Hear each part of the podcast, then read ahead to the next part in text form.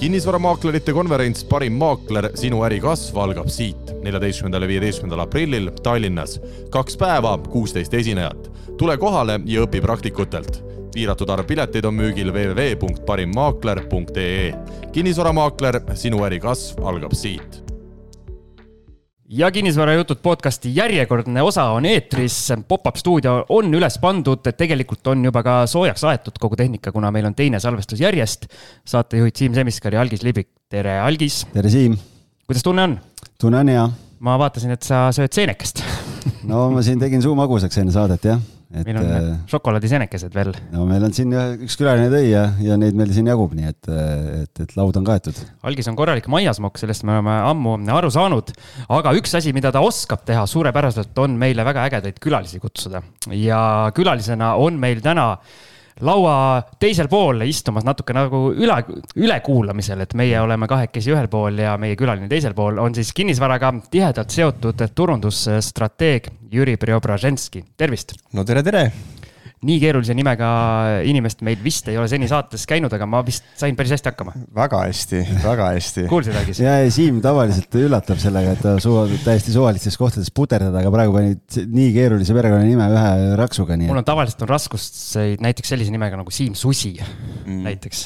nii, nii lihtsate nimedega ja. tuleb ka jaa, aga, aga sama põnev, kui on äh, Jüri perekonnanimi, tuleb tänane saade ka, sellepärast et äh, Jüri on lihtsalt nii mitmekülgne inimene ja, ja oma, äh, vaatamata oma noorele eale nagu tohutult põneva teekonna läbi käinud, nii et, et täna meil on nagu kaks eraldi saate poolt plaanis, esimene pool on siis vaatame vaatame sinu nagu töiseid tegemisi rohkem ja karjääri poolt ja siis teises pooles keskendume sinu investeerimisteekonnale, mis ei ole vähem kirev, nii et, et üliäge nagu meil kombeks on saanud, siis, siis külaline saadab oma nii-öelda väikese memo meile ette ja see lugemine oli taaskord selline väga silmi avav ja pani mõtlema, et eh, mida mina oma elust eh, esimesed, ma ei tea, ütleme kolmkümmend aastat tegin.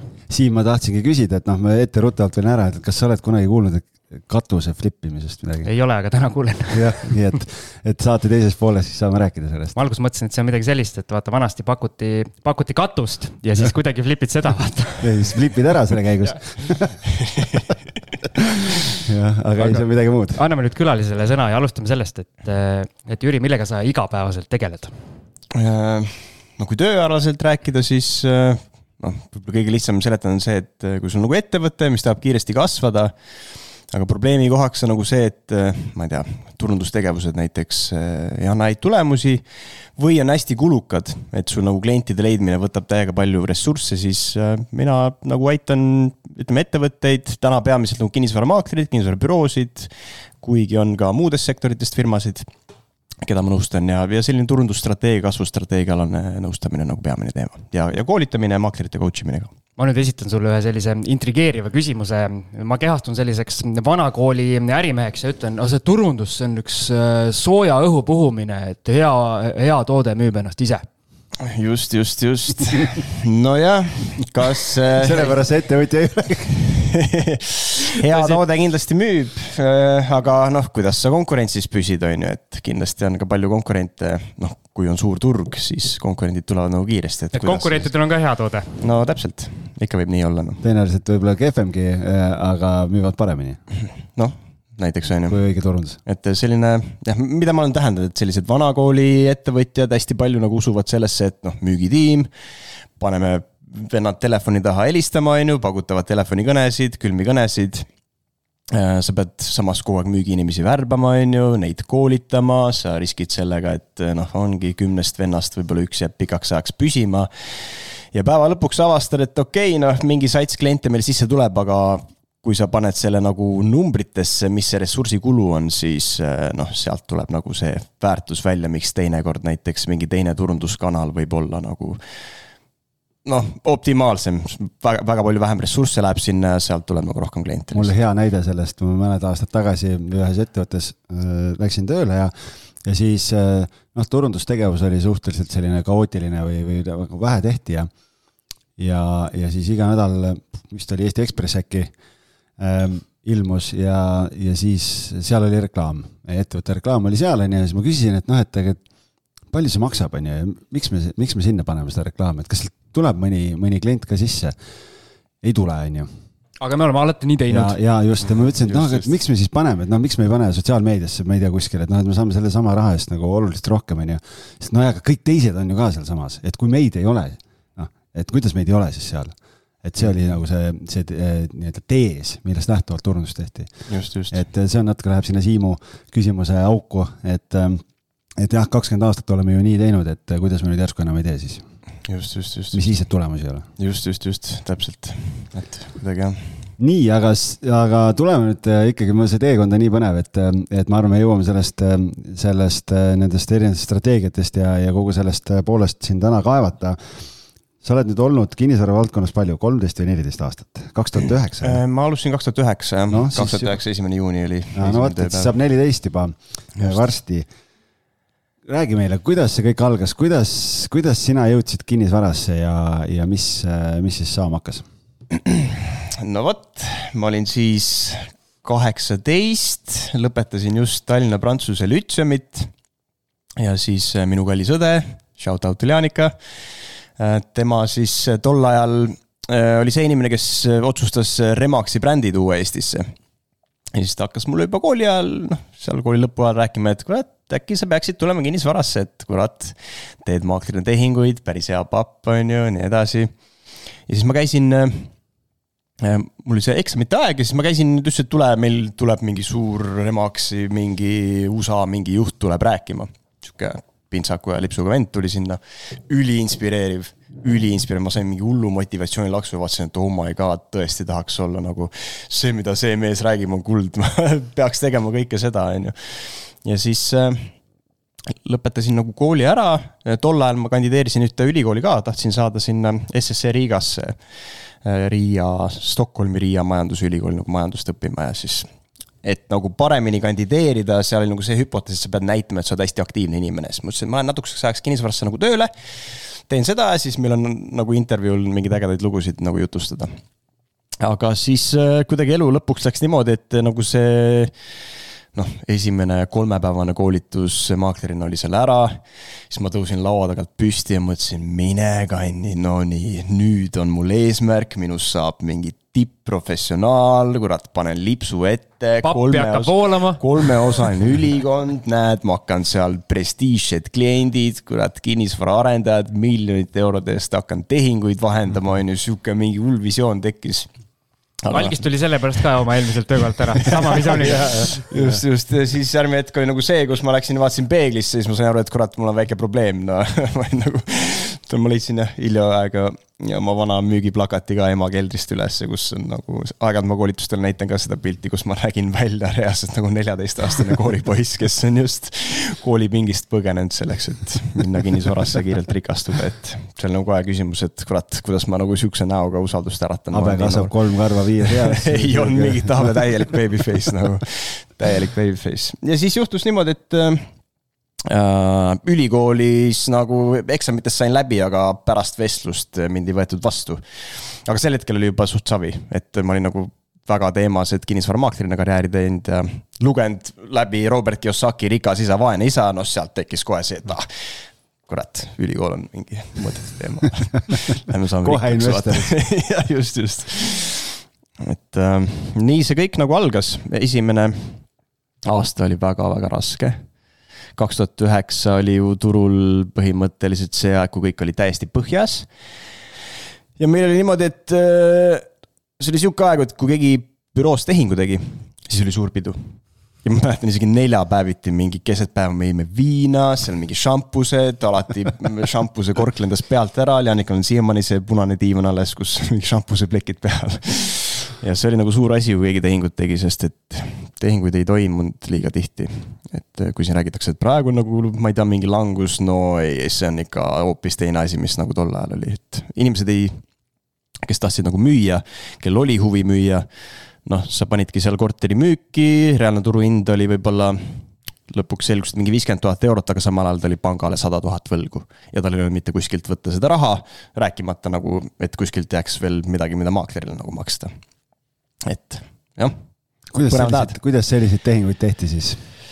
Äh, selliseid tehinguid tehti täpselt niimoodi, et äh, ei tehtud, noh.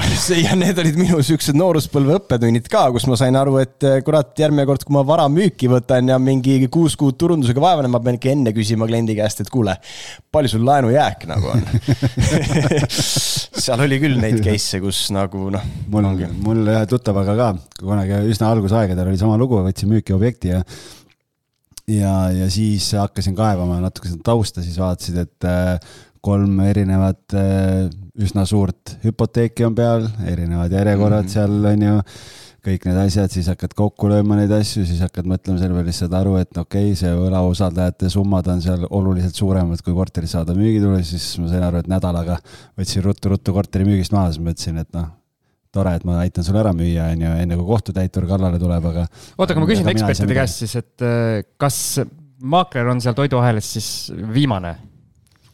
noh, kui sa lähed ju notarisse ja notarilepingusse läheb summa sisse, aga kui, kui sulle sealt öeldakse, et sorry poiss, aga aga siin võlausaldajad on nagu oma nõuetega nagu kõigepealt kohal, siis noh, sul, sina oled seal nagu. sa said siis müümisrõõmu, jah?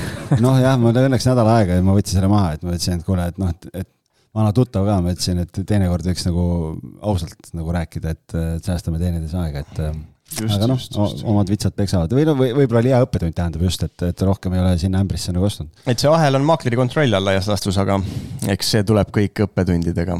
jah, noh, seal on jah, siis pead kuidagi teistpidi kokkuleppeid tegema, et ma ei tea, aga et noh, kui, kui tahad notari kaudu teha nii nagu tavaliselt, siis, siis ei saa aga oli siis turul, sa rääkisid sellest kahe tuhande üheksandast aastast, oli siis selline must masendus ikkagi kõigile, et nagu juba viinapudelid seal nii-öelda lahti korgiti, siis. pidu katku ajal või? Äh,?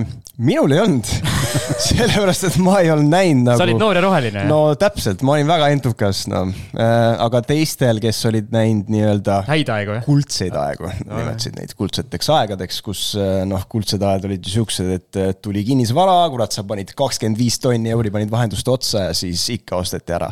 kõik asjad osteti ära igasuguste ulmeliste hindadega, maaklerid ju ise ka spekuleerimise ja flip imisega tegid hästi palju raha, on ju. ja elasid väga head elu ja seal mõni vend ongi kataloogist tellis omale kogu aeg mingi uusi BMW-sid ja värki ja näpud püsti ja elu oli ilus ja ühel päeval see kõik nagu lõppes ära.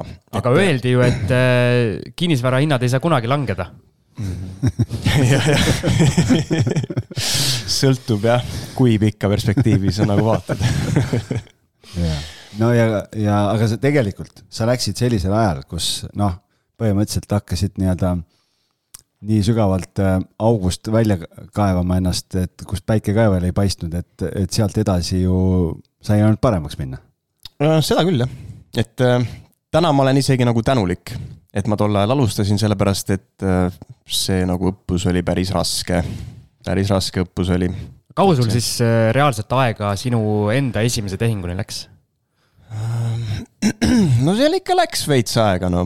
ma mäletan jah, neid laupäevi, kus olid mingi lakkhingad jalas, ülikond seljas, käisin mööda Merivälja tänavaid ringi ja otsisin kliente jagasin mingid flaierid postkassidesse, vaatad, kas seal on mingi mees, kes niidab muru, siis mingi lehvitajad räägid temaga juttu.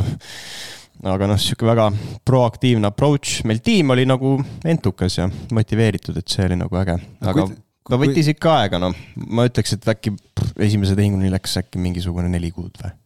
ja, ja siis esimene tehing oli ka veel kõigele lisaks selline, et äh, noh, läbi ussi emmi sa paned selle tehingu kokku.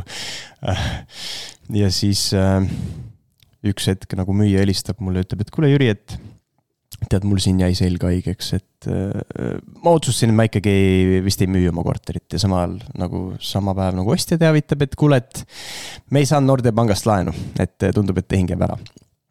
ja siis äh, nädal aega hiljem ma olen seal kontori äh, köögis, lasen kohvimasinast kohvi ja siis vaatan, et tuleb võõralt numbrilt telefonikõne, keegi helistab see müügiklient oli meil kellegi vihje kaudu nagu sisse tulnud talle, nagu õde oli vist lubanud talle vihjetasu ja siis ta ütleb, et kuule, et äh, ma tahaks nüüd vihjetasu saada, et tehing tehti ära. siis ma nägin, vot, mis asja. ja siis põhimõtteliselt oligi, see oli minu esimene tehing, tehti selja tagant ära, raha ma ei näinud, pidime hagema ja siis sellega läks ka mingi kolm aastat aega wow. sihuke, meil just siin eelmises saates oli, oli lugu, kus esimese ostuga korteri ostuga siin pärast selgus, et maakler läks vangi. sul esimese tehinguga maaklerina läks nii, et omanik ja ostja tõmbasid mütsi mütsi silmini, et. ei, omanik oli ka veel lõpuks sai petta ju. aa, nojah ja.. maakler pettis no, nii jah, omanikku jah. kui ostjat eh, ja kogu üle Tallinna müüs kortereid eh, mitu korda, üüris neid samal ajal välja. lõpuks oli pealtnägijas ja lõpuks oli vangis. oh vau wow., päris huvitav jah ja. Ja investoril esimene tehing eh, sinna orki lennata ja aga sinul maaklerina, noh, ise praegu maaklereid tööle võttes, koolitades, äh, siis. ma neid tööle ei võta igaks juhuks. No, ma näen, ma näen no,. sina võtad tööle no,, kas räägid endast, sorry. ma näen okay, seda jah. algust ju ja, ja noh, et see on, see on megapingutus, mida uus mm. maakler teeb alguses, et oma portfelli kasvatada. Kui sa saad sellise laksu sisse esimese asjana, tõmbas jalad alt ära ka või? no muidugi, et äh, üks hetk oli nagu küll see, et sa mõtled nagu what the fuck nagu mida, mida ma teen siin nagu. et äh, see pidi ju olema lihtne, noh, kuskilt pidid ju rahamäed hakkama sadama, noh, võtad müüki ja müüd ära ja mis seal siis nagu rasket on. aga jah, esimene tehing oligi, kolm aastat läks aega, pidime hagema, siis nägime raha. Eh, noh, järgnevate tehingutega tulid kõik need õppetunnid, noh, klient oli põhimõtteliselt panga vangis, ei saanud müüa, sest laenujääk oli palju suurem aga ma ei tea, võib-olla sihuke õppimine ja pidevad koolitused on need, mis nagu hoidsid seda motivatsiooni nagu piisavalt vee peal, et ikkagi jätkata ja tulla homme tööle ja proovida edasi, proovida uuesti. nii, ja kaua sa Remaxis olid ja, ja kuidas siis lõpuks kõik äh, välja kujunes sinu jaoks ähm,? Remaxis kokku, Remax läks vahepeal, äh, kolm aastat oli Remaxit minu ajal, siis ta läks üle Epitsenter kinnisvaraks Äh, siis Leanika otsustas, et äh, nagu frantsiisi ei pikenda, teeb oma brändi. tuli Epitsenter, seal kokku sai oldud vist viis aastat enne seda, kui ma läksin kinnisvaraarendaja juurde, siis natukene teise nurga alt seda maailma õppima ja kinnisvara müüma. aga esimene aasta, no nagu ma maakleritele räägin ka, noh, see on üle kivide ja kändude, see paneb sind tõsiselt proovile.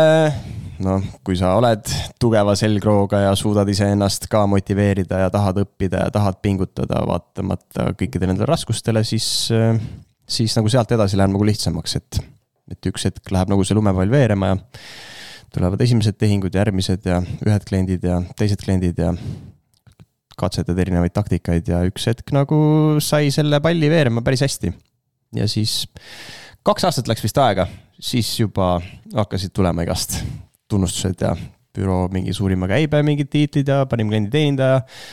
Äripäev, ma mäletan, tegi, enam nad vist ei tee seda, aga kunagi Äripäev tegi seda müügiinimestele suunatud mingit portaali ka, bestsales.ee vist ja, ja.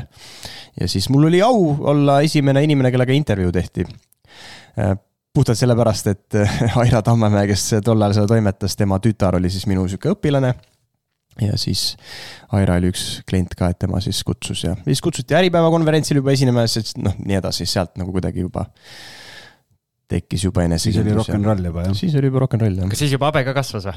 ei liiga noor või okei okay,, ja siis äh, viis aastat olid seal ja mm, -hmm. ja siis sealt edasi, mm, sealt edasi ah,, tegelikult sa tegid kutselise eksami kutselise maakleri eksami ka ära? just, kaks tuhat kaksteist oli vist see jah, kui ma sain oma kutsetunnistuse kätte. et äh, kui sa nagu vaatad tagasi sellele, et noh, see on alati, alati see küsimus, minu käest on ka hästi paljud küsinud just mitte nagu maaklerid, vaid, vaid mm -hmm. noh, kliendid. et mis eristab kutselist maaklerist tavalisest äh, maaklerist, siis mis sina vastad selle peale um,? asjatundlikkus ja see, Äh, noh, kui hästi sa tunned äh, kinnisvaraalast juriidikat ja see ju mõjutab seda, kui hästi sa suudad klientidele nagu nõu anda mingites situatsioonides, kus on vaja, mõnikord on vaja kriis kiirelt lahendada, noh kuulsid, Algis? jaa, lihtsalt ongi, kõik selles mõttes ongi, ma olen ka nagu seda meelt, et ma olen ka öeldud, et kui, kui, kui ma teeksin, teen kutselise maakleri selle paberid ära, siis ma teen sellepärast ära, mitte et mul seda tiitlit on vaja et sellepärast, et siis sa saad öelda, et ma tean kõike, mida on vaja teada selleks, et seda tööd teha nii professionaalselt kui võimalik. kurb lugu selle asja juures on see, et kliendid ei vali tiitli järgi maaklereid, vaid nad valivad hinna järgi reeglina. nojah, jah, ma et mäletan ka. Et... turul seda suurt erinevust selles mõttes ta ei too, see on metsik pingutus maaklerite poolt, see eksam ei ole üldse lihtne aga see tegelikult nagu selles nii-öelda, tal ei ole otsesest mõju sellele, et sa ei lähe, ütled, et mul on siiamaani vahendustasu olnud kolm protsenti pluss käive, nüüd ma küsin viis. jah, turunduslikku mõju tal ei ole ja ma mäletan ka, kui ma sain oma kutsetunnistuse kätte, läksin kohe kurat lasin printerist välja, panin omale sinna presentatsiooni mapi vahele, kui järgmine kord kliendi kohtumisel näin, siis ma lajatasin talle selle laua peale, vot nii. teda absoluutselt ei huvitanud ta valib inimest. kutseline ees või taga nagu what's in it for me, vaata, et noh. klienti huvitab ikkagi. kinnisvaramüük on ju suhted, see on vahet ei ole, millist eh, toodet või teenust sa müüd, see on suhte business ja ja see, milline inimene sa oled, loeb rohkem kui see, kas sul on, on see tiitel või ei ole. just, just. aga noh, enesekindlust kindlasti annab see juurde ja see annab sulle nagu taipu asjatundlikkust juurde, et. aga mina olen nii-öelda, ma ei ole kunagi maakleri tööga kokku puutunud, välja arvatud nii palju, kui ma olen äh, alles, erinevate, erinevate, maak erinevate maaklerite otsa sattunud nii heade kui halbade. ma küsin selliselt, mis teie mehed arvate, kas see kutsetunnistus tuleks muuta kohustuslikuks maaklerite jaoks, et muidu sa tööd teha ei tohi, kui sul mingi, mingi äh, teatav ikkagi atesteerituse tase on, sest näiteks toome näite, mingites valdkondades ju sa ei saa ilma kutsetunnistuseta üldse tööle. just, jah, ja mujal riikides ka, noh Soomes ja ikka on litsentsi vaja selleks, et maaklerina töötada, on ju. ma ei tea, Algis, mis sa arvad? ma ütlen seda, et ma arvan, et see kutsetunnistus, kui või noh, sellisel kujul, nagu ta on praegu võib-olla ei ole see, mida on vaja, et see on nagu selline nagu noh, kuidas ma ütlen, nagu see ülemine ots. vaja oleks seda, nii nagu on hindajatel, uus maakler tuleb, ma võtan uue maakleri omale büroosse, koolitame välja, et on kokku lepitud, mis on see standard, mis on need teadmised, noh, mingid sellised nagu baasteadmised mis sul peavad olema, et sa saad aru, mis on asjaõigusleping, mis on võlaõiguslik leping, noh, sul on baasteadmised seadustest, registritest, kõigest sellest.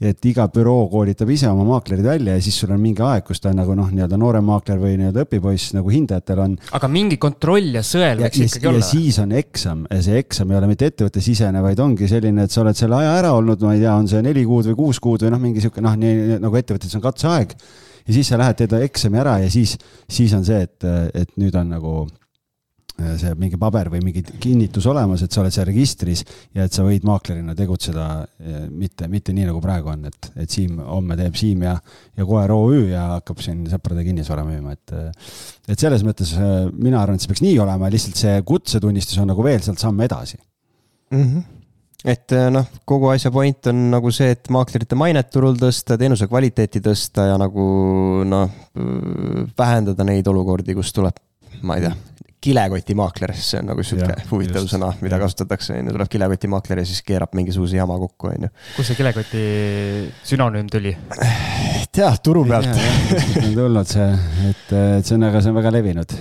ehk noh, Siimul oli just eile kogemus, kus ta käis ühte korterit. korterit vaatamas ja noh, sa võid rääkida oma kogemusest, et. Äh, no minu kogemus elus teist korda sattusin sellise maakleri otsa, kellega oli vaatamine kokku lepitud ja sel hetkel, kui mina helistasin, et ma olen nüüd maja ees kohal, et, äh, et kus teie olete, siis tema ütles, et minge vajutage seal fonolukul see ja see korterinumber, et omanik võtab teid vastu ja näitab teile korterit on oma protsessi nii ära optimeerinud, et enam ei ole kohalegi vaja. tead, mis see on? see on vabakutseline maakler vabakäigumaakler käib, millal tahab et, et ka nii saab. ja, jah, ka mul on. see vist ei ole kõige parem praktika. no ma ei tea, jah. Coach iksid sellist maaklerit või? ei tea, sellised maaklerid tavaliselt ei satu kuidagi, ma ei tea, ma vist ise ka ei satu nende radarile neid vist ei huvita ennast nii-öelda arendada, kuna nad õppim... arvavad, et nad on juba teistest ees. no see õppimiskõver oleks nii pikk seal, et see jah. kuule, aga siis, siis sealt maaklerbüroosse liikusid edasi arendaja juurde. -hmm. et, et sa läksid Endoveri mm. -hmm ehk siis läksid nii-öelda klientide, erinevate klientide objektide vahendamise juurest läksid kinnisvaraarendaja juurde, et müüa suuri, suuri asju, et äh, räägi meile sellest, et äh, ma tean, seal on ka mingi päris huvitav lugu, kuidas sa Endoveri jõudsid äh, ja, ja kuidas sul siis, mis seal toimuma hakkas mm,? Endover jõudis mu radarile tegelikult juba aastal kaks tuhat üheksa, siis kui ma alustasin. tollal nad vist arendasid Kopli tänaval mingit maja ja siis ma vaatasin neid 3D pilte, vaatasin, oo oh, vau wow,, mingid katuseterrassid ja mingid asjad, džakuusid, mis asja, noh, vennad teevad mingeid siukseid asju, üliäge. Äh, ja siis nagu mingi, juba tol ajal tekkis mingi unistus, et kurat, ühel päeval tahaks ise ka siuk-, siukseid kliente omale nagu. ja läks neli aastat mööda. Äh, ja siis mul oli müügis Äh, Tartu maantee kuuskümmend seitse aadress, kui ma ei eksi. Äh, kaks kortermaja. see oli suguvõsa, oli omanik. Äh, osad siuksed vanemad, kaheksakümnendates inimesed kuni nooremateni välja, mingi kolmteist omanikku. poolteist aastat müüsin seda ja siis lõpuks Endo tuli ja pakkus ja kauplesime ja tegime diili ära ja, ja siis Nad just olid äh, oma müügiesindajast vabanenud.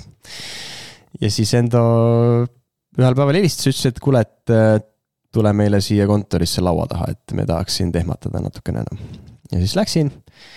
tol ajal nende kontor oli sihuke pisike, tagasihoidlik, Tartu maantee seitse oli vist, kus Deutsche City kunagi oli, seal all oli see söögikoht, on ju, teisel korrusel seal peal oli kontor ja siis äh, ütles, et kurat, et äh, meil on nagu tiimi, me tahaks nüüd, meie eesmärk on panna mingi ülitugev tiim kokku, me tahaks nagu mingit väga head close ijat ja näed, sa oled meile silma jäänud. Äh, et tule meile noh. ja siis tol ajal ma ütlesin, et ei, ma ei tule kuhugi noh, mul on nagu teised plaanid ja tahtsin nagu mingit muud ettevõtte mingit ideid sealt arendada ja. aga siis läks aasta aega mööda äh, ja tekkis uuesti võimalus ja siis, siis ma ütlesin, et kurat, et äkki saaks kokku ja räägime nagu uuesti, et. et tegelikult ikkagi nüüd, nüüd nagu tekkis huvi ja tahaks nagu õppida seda kinnisvaraarendaja maailma nagu seestpoolt ka, kuidas see kõik nagu toimub.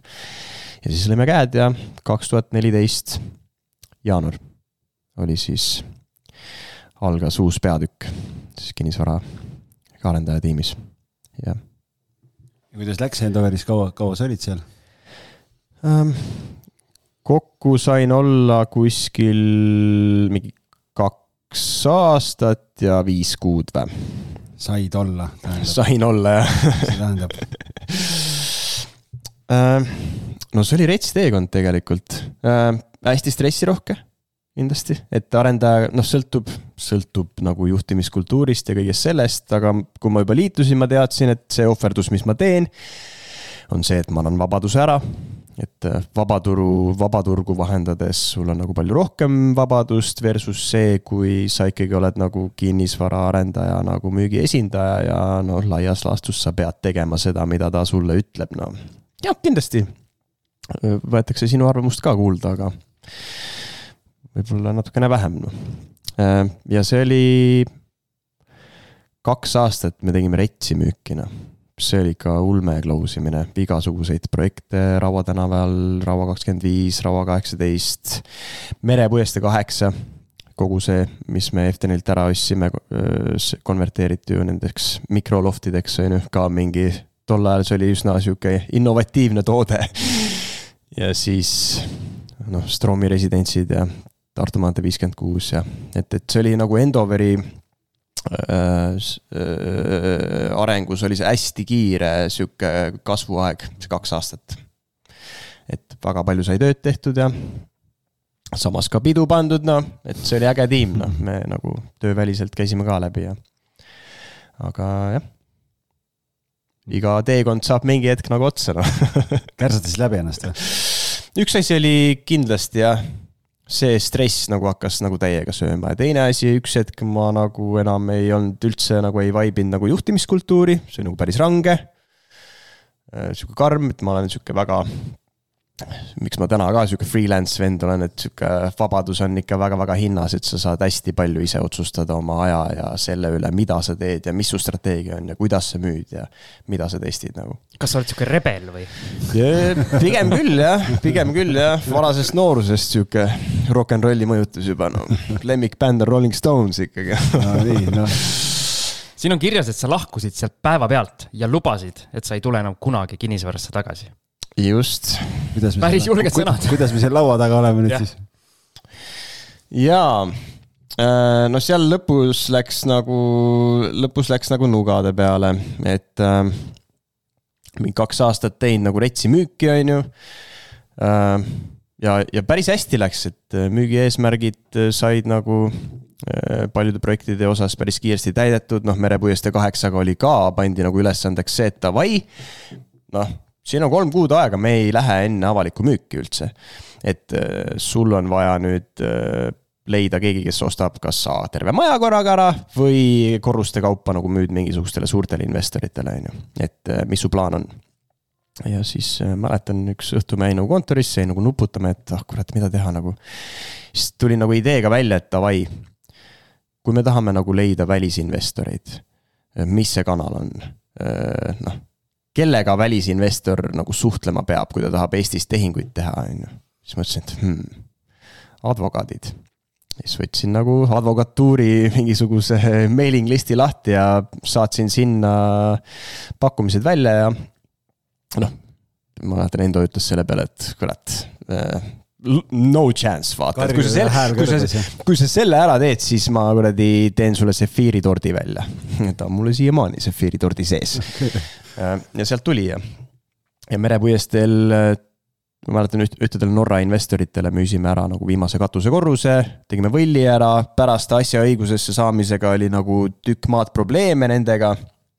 lõpuks saime, aga siis oli juba noh, juhatuse jaoks oli teada see, et ma ka nagu kavatsen lahkuda ja, ja, ja selle lahkumisotsuse ma ütlesin neile sel hetkel, kui nemad tegid mulle teatavaks, et no näed, uuest aastast meil on projekti mahud suuremad, et nüüd me jagame su tasu kahega. ja ma sain aru, et äh, oota, mis asja, et nüüd ma pean äh, nagu niigi stressirohke, nüüd ma pean sama raha teenimiseks sisuliselt tegema kaks korda rohkem tööd. no nemad põhjendasid, et ah, me tegime turu-uuringut ja nagu sa oled üle makstud, vaata. noh, siis ma sain aru, et okei okay,, et, et ma nagu commodity, on ju, ja siis ma ütlesin, et kuule, ei, siis nagu võtke keegi muu. mina jätkata ei kavatse. ja noh kuna oli juba teada, et ma ei kavatse jätkata see suur tehing sai tehtud, siis lihtsalt oli niimoodi, et äh, kuule, sorry. et sa siin tegid mingeid vigu, et me ei maksa sulle seda raha välja, see oli päris suur summa.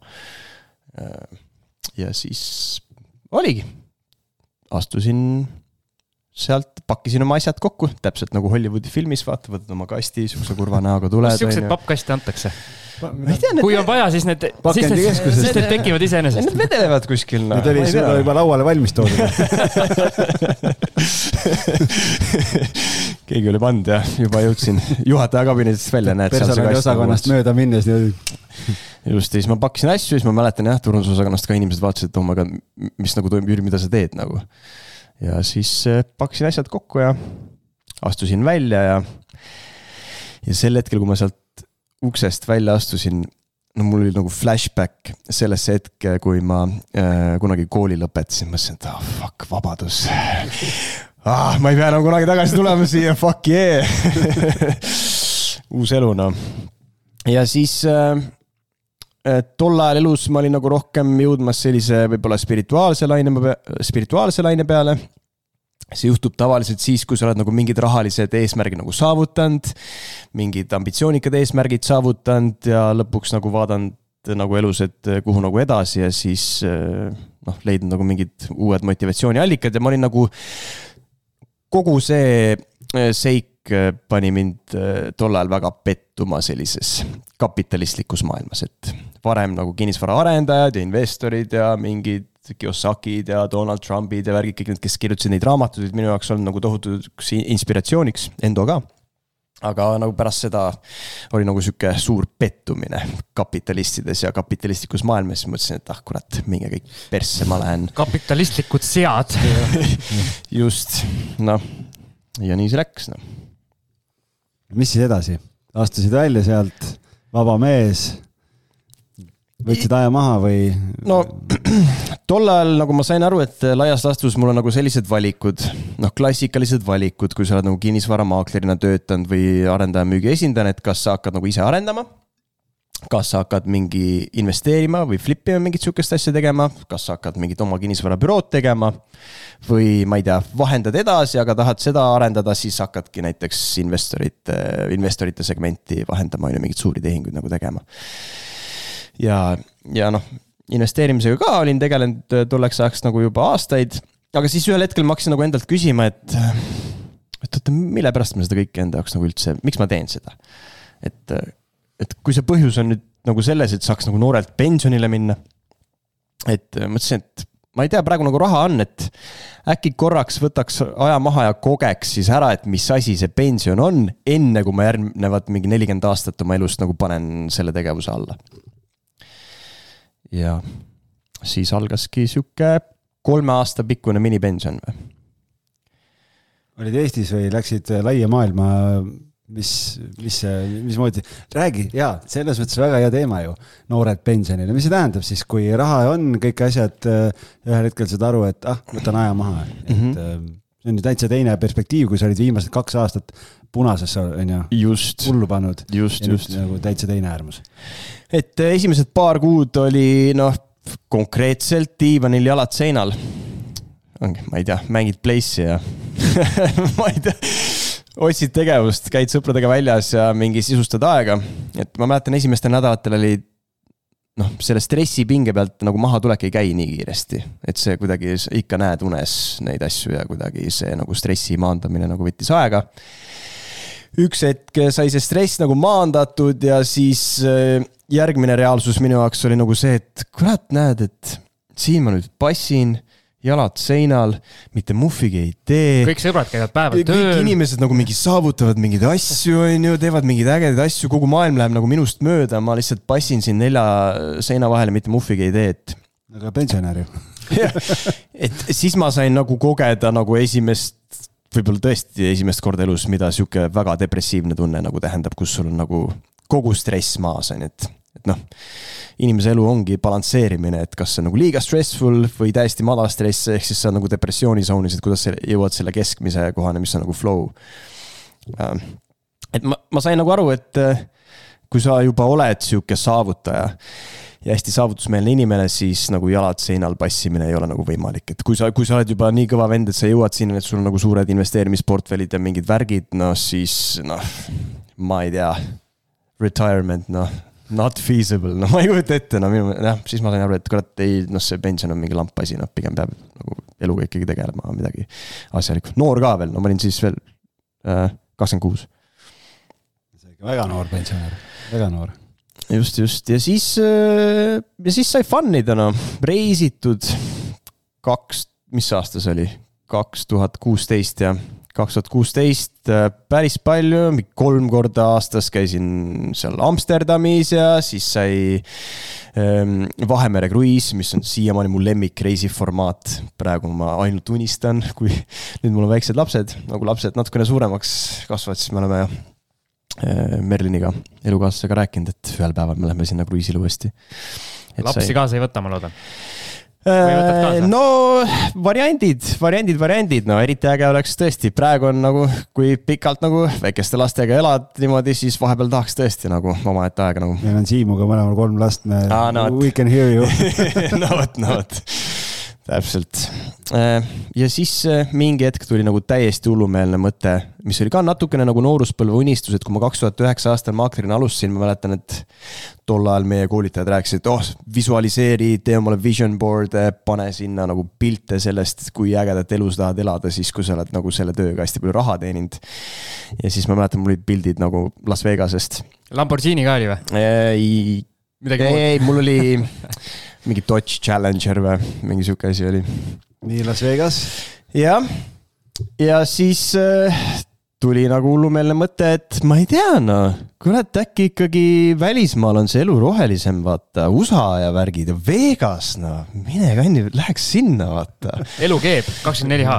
just, ja siis äh, oktoober kaks tuhat kuusteist tegime sõpradele suure lahkumispeo ja äh, pakkisime kõik asjad kokku ja andsime korterid ja värgid ja kõik asjad ära ja ette teadmata ajaks Vegasesse.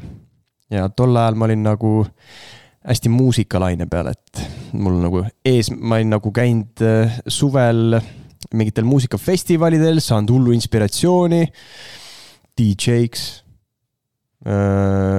äh, nagu suurtele lavadele, et ma olin nagu mõelnud, et kurat, et kinnisvaras ma nagu saavutasin äh, mingid eesmärgid. aga vot rokkstaari eesmärk on hoopis teine asi, et tahaks nagu muusikuna saada suurtele lavadele. vaata siis..., algis need on üsna sarnased valdkonnad, et põhimõtteliselt nagu siga ja kägu umbes.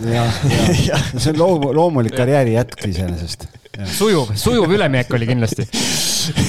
No ma olin tegelikult äh, üsna nooruspõlvest saati juba muusikaga tegelenud, bände teinud, kitarri mänginud selleks ajaks mingi viisteist aastat, et nagu muusika tegemine ei olnud võõras, lihtsalt elektrooniline muusika oli uus ja täiega põnev ja tol ajal EDM ja electronic dance music ja kõik see nagu hullult trendis, olid suured Tomorrowlandid ja kõik need festivalid ja siis nagu hakkas see teekond pihta, et davai ühel päeval tahaks nagu ka tuhandete inimeste ees äh, festivali laval esineda ja siis, aga Vegases, Vegases ja siis reisisimegi sinna, noh. jah, expectations versus reality, noh. no mis see reality on siis?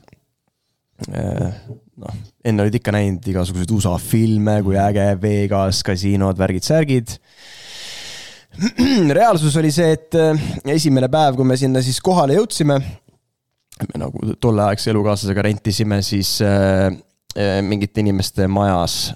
Äh, me võtsime, noh, see on nagu mingi äärelinnas, sihuke nagu Vegase Pirita, kinda. Äh, basseiniga maja, saime nagu ühe magamistoa nende toast, et kasutad kööki, kasutad maja, magamistuba. hoov, bassein, gated community. et üliäge ja siis jõudsime sinna, siis noh, teeb nagu tutvustust, on ju. sihuke onboarding vaata, siis ta ütleb, et no nii, et first things first et kui päeva ajal keegi koputab uksele, jumala eest ära lahti tee. sest ta tuleb sisse, nad löövad teid nokki ja nad võtavad ära kõik asjad, mis meil on. kui peaks juhtuma, et noh, meil on see müür seal tagaaias, vaata. kui peaks juhtuma, et keegi ronib üle müüri, ära muretse, ma lasen ta maha. ja politsei tuleb ja tag'ib laiba ära ja viib minema sihuke casual everyday või? Äh, tänavatele jalgsi ära mitte mingil juhul mine, on ju. ja siis mulle jõudis kohale, et nagu Vegases mitte keegi ei jaluta tänavatel. oot, oot, oot, oot, oot, oot, oot, minu meelest on äh, siis on hea, et ma elus olen. ma olen teinud Vegases sellise jalutuskäigu, et kesklinnast läinud kuskile äärelinna motelli. ja ma ta-, ja öösel oi, oi, oi, oi, oi. Äh, mitte kõige selgemas olekus ja, ja ma tahtsingi öelda nagu, et äh, Vegas on üks ebasõbralikemaid linnu jalakäijate jaoks, sest ma turnisin üle mingite kiirteede ja kuskilt alt läbi.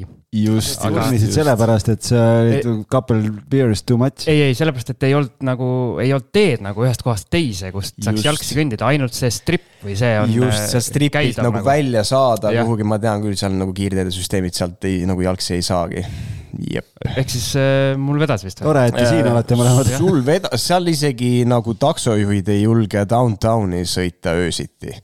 noh, me nägime päeva ajal nägime, no Walking Deadi on keegi vaadanud seda seriaali, me päeva ajal nägime reaalseid zombisid. sa seisad nagu taksos valgusfoori taga ja seal tulevad nagu inimesed, kes on nii palju meth'i teinud, et neil on nägu ära lagunenud ja siis nad tulevad nende plakatitega, et ma ei tea, donate one dollar for beer, no. ongi nii, jah? väga hirmus, väga spooky ja siis äh, ühesõnaga kõndida ka väljas ei saa ja siis ma sain aru, et oh my god, me oleme vangis nagu. et see kõik läks nagu väga hirmsaks. ja ise maksad veel selle eest, et vangis olla. just, et äh, kuhu kuradi kohta me nagu sattunud oleme, et nagu tundusid, et hinnad on nagu Vegases head, odavad, aga siis ma sain aru, et noh, that's the point, inimesed sinna kolivadki need, kes nagu mujal rahaliselt toime ei tule ja kasiino industry toob nad sinna ja raha on see, mis toob nad sinna. Ja mina olin nagu tol ajal rohkem spirituaalsema laine peal, ehk siis ma nagu ei läinud selle inimeste vibe'iga üldse kokku. Oh.. kaua te elasite seal ja mitu üle müüri eh, ronijat seal maha lasti mitu sa ise maha lasid? Õnneks, õnneks üle müüri keegi ei roninud kuigi ma mäletan, ma vahepeal vaatasin mingeid politseiraporteid nagu reaalajas ja siis ma nägin, et aa, praegu just äh, tuli nagu raport, et paar tänavat sinnapoole meie majast keegi sai just nuga nagu. Äh, no me elasime oma see, mis see nagu klassikaline see viisaperiood on, kolm kuud, on ju. kolm kuud elasime ära ja siis me, enne oli nagu plaan, et me hakkame hustle ima kuidagi, et seda viisat saada. aga siis oli müüb, ootasime tagasi lennuaega, et davai, noh, kolm kuud täis ja siis me lähme siit, kus kurat ja ei tule mitte kunagi siia tagasi nagu. et selleks ajaks oli juba sõprade igatsus tekkinud ja nagu majaomanikud ka olid oma kuueaastase abielu nagu täielikus madalseisus, mees koges depressiooni, nad tülitsesid kogu aeg. noh, meil läks omavahel, tekkisid nagu mingisugused probleemid, noh, ameeriklased mitte kõik ameeriklased, aga nad on ikka suht hustlerid nagu, et see on nagu natukene teistsugune kultuur, et mis ma nagu aru sain, on see, et Eesti inimene jah, kui sa tutvud, alguses ta tundub veits külm. aga kui sa inimesega tuttavaks saad ja vibe on nagu hea, siis nagu laias laastus sa võid teda usaldada, et ta nagu mingit väga hullu sitta sulle kokku ei keera, aga noh, Ameerikas on nagu seal noh, nende oli ka, ma kuulsin lugusid, kuidas isegi perekonnaliikmed nagu üksteisele keerasid ikka korraliku nuga selga, noh et äh, see oli Vegas, no, aga noh, ta ei olnud sada protsenti negatiivne kogemus, nagu fun'i oli ka, et nädalavahetuseti me ikka läksime sinna stripile ja panime veits pidu ja erinevates hotellides ööbisime ja. seal nagu igapäevaelu oligi sihuke, et kell kaheksa hommikul ärkad teed oma kakskümmend minutit meditatsiooni ära, rahuned maha, tuled kööki, külmkapi lahti, võtad oma õlle, astud terrassile, päike paistab seal kogu aeg seal on nagu noh, siis siin on nagu see, et päike paistab, sul läheb tuju väga-väga heaks, seal nagu see, et seal paistab kogu aeg päike, et lõpuks see nagu väga ei mõjuta. et äh, sihuke bassein ja palmid hoovis ja päevaprobleem on see, et davai, mida me täna grillime, noh. et äh, mõnes mõttes oli nagu fun, sai ringi trippida ka, aga jah, elamiseks no, no, no. kolm aastat siis vegeteerisid no ei vegeteerinud, et või, ma räägin, et see, see jalad seinal vegeteerimine oli sellest mini, nojah, ma ei teagi, kas seda saab siis pensioniks kutsuda või, ma ei tea, jah, et. sabatikal või? et esimesed paar kuud oli nagu see, kus ma sain aru, et täiesti tegevuseta olla ei ole võimalik. ja siis äh, ikkagi oli, äh, eesmärk oli saada nagu suurtele lavadele DJ-na Äh, ja siis äh, tulime Tallinnasse tagasi ja põhimõtteliselt äh, see trip hakkas nagu nullist pihta. võtsin omale DJ coach'i, kes õpetas mulle plaate mängima, temast sai nagu hiljem minu DJ, me tegime koos nagu duo. hakkasime muusikat tegema, reliis ima, juba raadiod mängisid. alguses keegi sind DJ-na oma peole mängima ei kutsu, ehk siis ainuke võimalus, mis sa teed, hakkad oma pidusid tegema siis me hakkasime vaikselt, vaikselt, vaikselt mingi ülipisikestest pidudest pihta ja siis kasvasime, kasvasime ja ühe aastaga olime juba, juba nagu tuntumad nimed juba tahtsid meie pidudele mängima tulla, päris äge vibe oli. ja siis tekkisid võimalused ja kaks tuhat kaheksateist aasta suvi oli siis see moment, kus tuli nagu see hetk ära, et suur lava maailma top DJ-dega, me läksime kell kolm öösel peale, see oli Pärnus Beach Grind. neli, ma ei mäleta, kolm tuhat, neli tuhat inimest vist oli jah. et äh,. kõik on võimalik. kõik on võimalik jah. anna omale paar aastat ja mida iganes sa tahad, kõik on nagu võimalik noh. super, üliäge. ja sa ütlesid mõned aastad enne seda, et sa mitte kunagi kinnisvarasse tagasi ei tule. just, just. ja kuidas just, sa otsaga tagasi jõudsid? no vot ja ja see DJ nagu teema ka, kui need suure lava eesmärgid olid nagu tehtud, meil oli tol ajal iga nädalavahetus mängisidki siin ööklubides, mingitel festivalidel. üks hetk sai nagu siiber, sest et ma sain aru, et kurat, muusikaartisti elu on ka paras vangla tegelikult. et äh, et ma tahaks naisega olla praegu reede õhtul kodus tiimi peal chill ida, vaadata Netflixi, sa ei saa, sest sa pead minema kuhugi kuradi, ma ei tea, Pärnusse kuhugi ööklubisse kaheksateistaastastele tiinekatele nagu mingi mussi mängima, on ju. vaat siin ma olen mingi kakskümmend kaheksa aastat vana tüüp, mida ma teen oma eluga nagu. et äh, siis ma sain aru, et kurat, ma ei taha seda enam teha. et ma nagu mingid eesmärgid tegin ära, ma nagu tõestasin endale, et ma nagu suudan seda, aga ma nagu vist ei taha küll seda nüüd nagu lõputult tegema jääda. ja siis tuli nagu siis tuli see nagu tõsine identiteedikriisi moment, üsna depressiivne järg, jälle aga õnneks, ma ei tea, saatuse tahtel eh, tolleaegne elukaaslane eh, oli mind kirja pannud minu teadmata eh, siis sellisele kursusele nagu Vipassana meditatsiooni kümnepäevane kursus, mille kohta ma olin kuulnud lugusid et noh. Siim ei tea sellest ilmselt midagi, mina olen kuulnud uh. -huh. Uh -huh. mõlemad vaatavad mulle selliste silmadega otsa, et sa ei tea. ei, ma ise ei ole käinud, aga, aga just eile kohtusin ühe kinnisvaraomanikuga, kelle korter mul müüki tuleb, üks vana tuttav kolleeg ja tema just käis ka. mm. ja, ja arutasime seda. mina ei ole ise käinud, aga sa võid Siimule ja kuulajatele rääkida, mis sa tead. räägi äh,. no vot, et kui sa oled oma elus sellises võib-olla madalseisus või stress või depressioon või mis iganes, on vaja kuidagipidi vaimset tervenemist, siis see on selline transformatsiooniprotsess, äh, mis äh, põhimõtteliselt sa nagu äh, treenid oma alateadvuse ümber selles osas, kuidas sa reageerid igasugustele negatiivsetele asjadele, mis su elus juhtub. sisuliselt sa juurid nagu selle negatiivsuse välja juure tasandilt, noh, seal käib töö alateadvusega ja kuidas see siis on? kümme päeva uh,. Noble silence, rääkida ei tohi. noh, kujuta ette, inimesed, kellele meeldib hästi palju jutustada, kogu aeg sõbrad, nii edasi. et uh, sul on nagu noble silence, rääkida ei teip, tohi. teip pannakse suu peale või? ei, teip suu peale ei panda, aga põhimõtteliselt sa ei tohi nagu rääkida, sa uh, silmsidet luua ei tohi, et sa oled nagu enda ette enda mõtetega. kell neli hommikul on gong, mis äratab sind üles mingi kongiga vend käib mööda laagriplatsi ringi, onju. ja siis äh, hakkab programm pihta, kümme tundi päevas mediteerid. Wow.. sulle õpetatakse seal spetsiaalset meditatsioonitehnikat. Äh,, mis ongi Vipassana tehnika. Äh, ja siis neljandast päevast, noh, kui kolm päeva, noh, ma olen kuulnud lugusid, kuidas inimesed jooksid juba kolmandal päeval minema, mõned jooksid neljandal päeval minema, et seal neid nagu jooksikud on, kes lihtsalt nagu noh, see on nagu transformatiivne protsess, noh, seal tuleb asju üles ja sul tuleb nagu õppida sellega kuidagipidi nagu toime tulema. ja siis nagu kolm päeva elad nagu üle, siis mõtled, oh, uh, okei okay., võib-olla nii hull ei olegi ja siis neljandal päeval hakkab tegelik trip pihta, kus on nagu äh, kolm sessiooni meditatsiooni päevas, sa pead äh, nagu tund aega, kolm korda tund aega sa pead mediteerima niimoodi, et sa ei liiguta ennast, et seal nagu rätsepa istes. ükskõik kust valutab, ükskõik kust sügeleb, ükskõik mis. just, ja see nüüd ongi niimoodi, et noh, ma ei tea, kümme-viisteist minti võid nagu istuda niimoodi, on ju, ja siis noh, ma olingi seal, istusin kolmkümmend minti läheb mööda, tunned, oh, rämedad seljavalud hakkavad pihta, on ju, mis teema nagu sellega on Läheb nelikümmend viis minti on möödunud, siis on juba niimoodi, et oh fuck, väljakannatamatu valu viiekümnes minut, siis ma sain kogeda, mis asi on nagu valudeliirium, siis on mingi sihuke hetk, kus keha hakkab vabastama mingit valuvaigistit ja siis sa nagu veits oled juba sihuke veits pilves tunne on.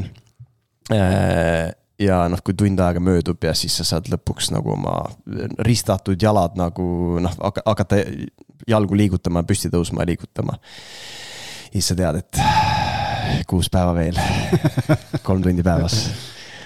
nagu kõlab nagu vangla jälle äh, mõnes mõttes küll jah, aga see, mäletan, kuues päev oli minu jaoks transformatsioonipäev, kus äh, noh, põhimõtteliselt sa juba koged kogu üle oma keha nagu elektrit. ja sa suudad nagu tunnetada kõiki kehapunkte üsna detailse tähelepanu, su, su mõistus on nagu maha rahunenud, sa ei mõtle enam nii palju, väga palju on tulnud seda vaikust ja seda ruumi sinna. ja, ja jah, kuuendal päeval isegi ma tundsin, kuidas nagu aju nagu veits nagu särises või sihuke mingi väga veider tunne oli, hästi veider tunne, pole kunagi varem nagu äh, sihukest tunnet tundnud. Äh, ja siis jah kümnes päev, Noble Silence lõpeb ära seal mingi kell kümme, kell üksteist ja siis nii rõõmsaid inimesi ei ole ma näinud mitte kuskil, kui on Vipassana kümnendal päeval. isegi kaks tuhat üheksa seda tehingut tehes ei olnud nii rõõm. just, isegi siis mitte nagu.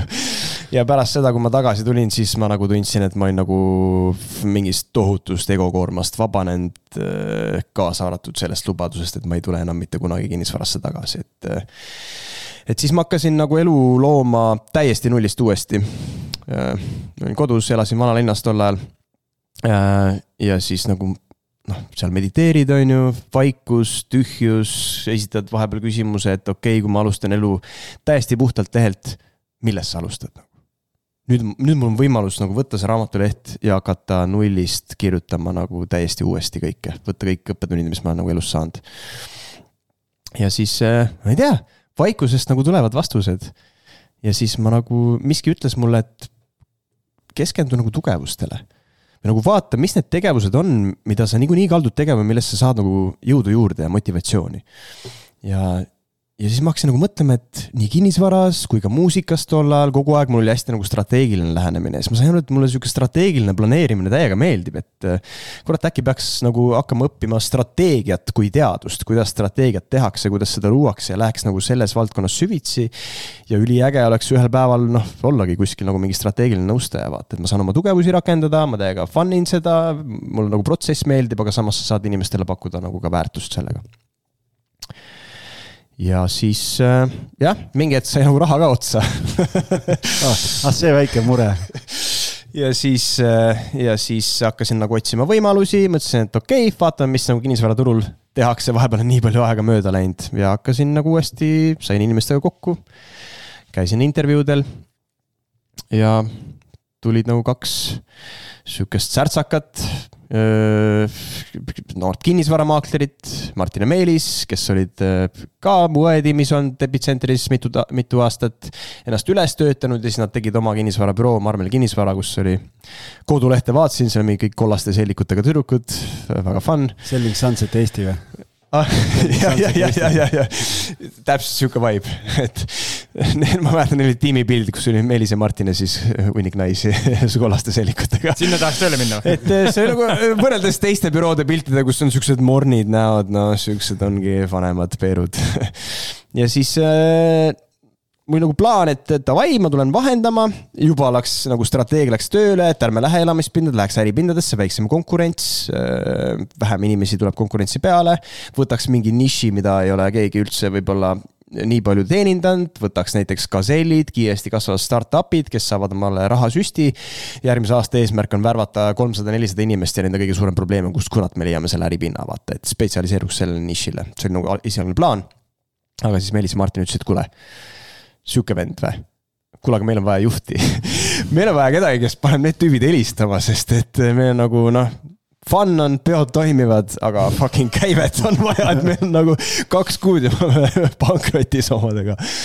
ja siis, ja siis ma hakkasin mõtlema, et kurat, jah, nagu tiimi juhtimine ja sihuke mingi coach imine ja, et see on ka päris huvitav uus teekond ja, ja, ja ma, no ma tundsin, et ma olen nagu vaimselt ka valmis, et nagu hakata nagu andma inimestele, et ma, mina täna ei peagi olema enam kangelane, ma olen nagu enda jaoks palju asju ära tõestanud, pigem ma tahaks nagu sinust kangelase teha, et davai. hakkame töötama selle tiimiga ja siis kaks tuhat üheksateist veebruar, back in business, back in real estate. ja kuidas läks siis selle uue väljakutsega sul? Ma mäletan, kui me Meelise ja Martiniga seal esimesi miitinguid tegime koosoleku laua taga, siis me nagu visualiseerisime oh,. Wolf of Wall Street, vaata see film.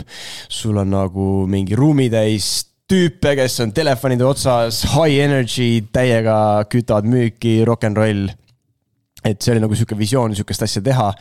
aga noh, algis võib-olla isegi tead, see fucking raske on nagu kuidagi motiveerida maaklereid ja inimesi nagu koos niimoodi kogu aeg kõnesid tegema ja seda süsteemselt ja niimoodi, et see nagu jätkusuutlikult toidab nagu energiat mm. -hmm. ja siis äh, kui ei tea ise, mida teha, siis minu go to lähenemine alati olnud see, et võta mõni hea raamat ette, vaata, mida nagu kogenumad inimesed teinud on.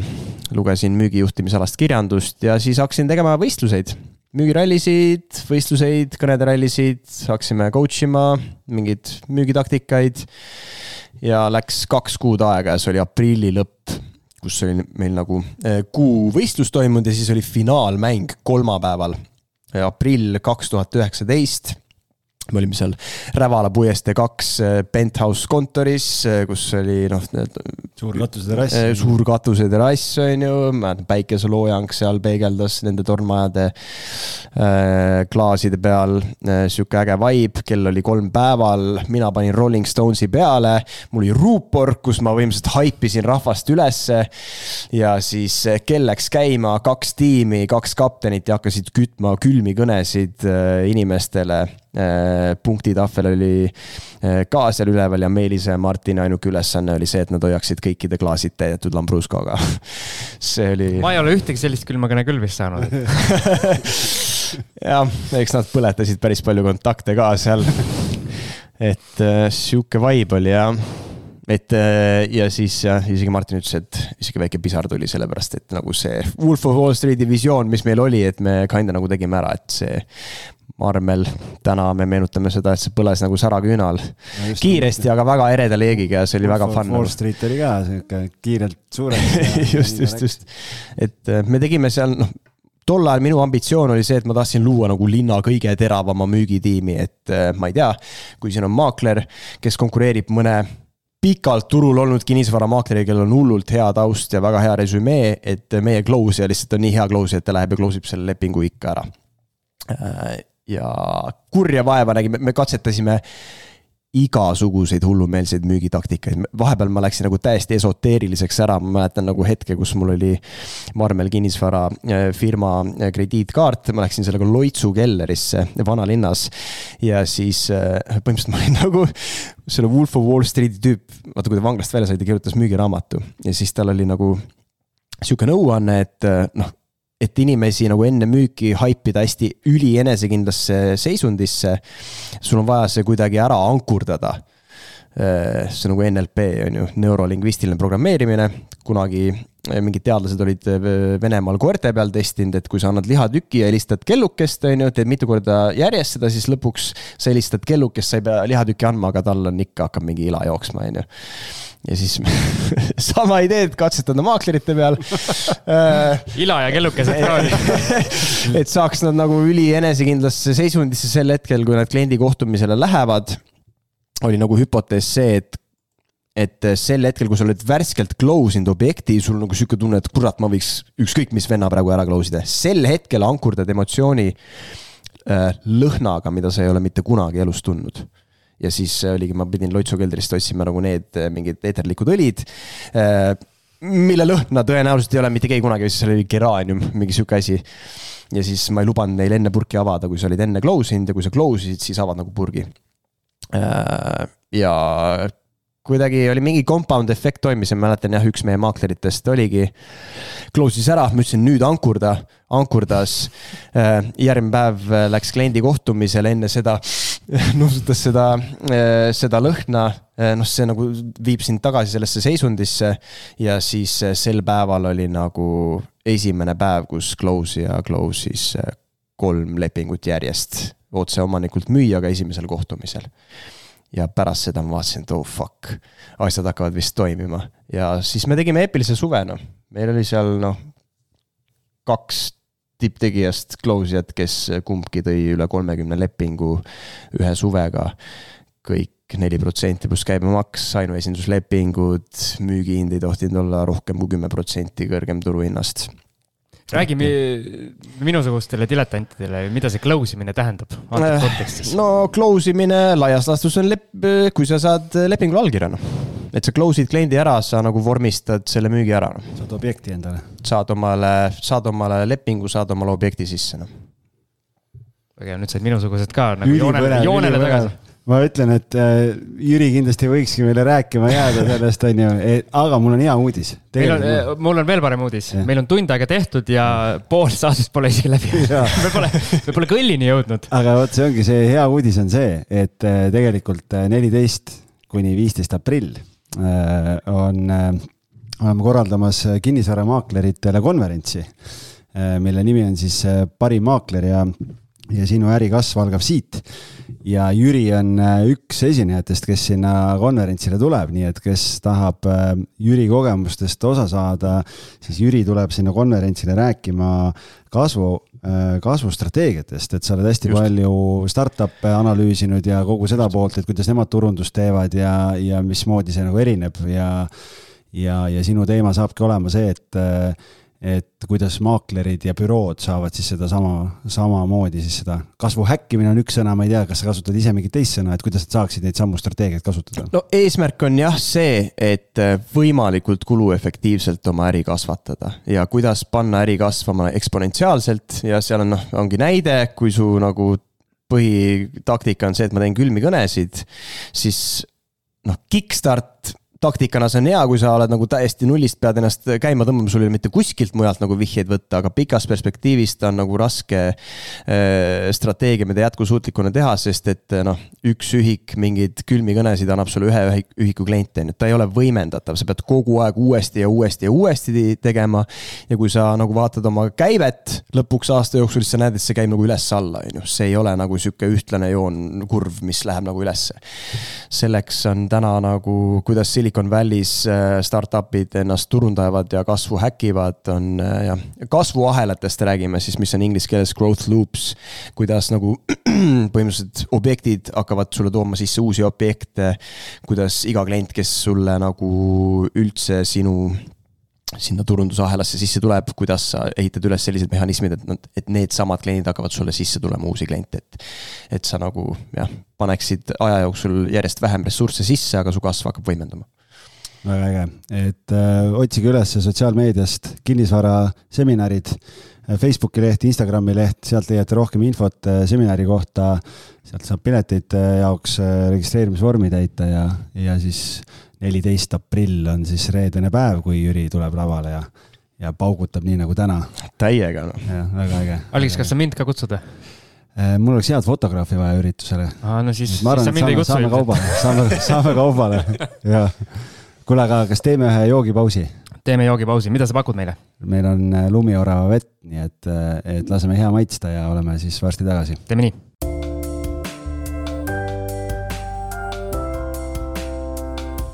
nii, oleme pausilt tagasi ja enne kui me lähme sinu äh, konkreetse teekonna juurde nii-öelda kinnisvara investorina, kuna sul, sul on seal ka värvikaid lugusid rääkida, siis ma siin pausi ajal hakkasin mõtlema äh, Äh, sellise teema peale, et kui sinu see elu, ütleme siis noorena, võib ikkagi öelda noorena, käis ülimalt üles-alla, võib nii öelda no. siis jah.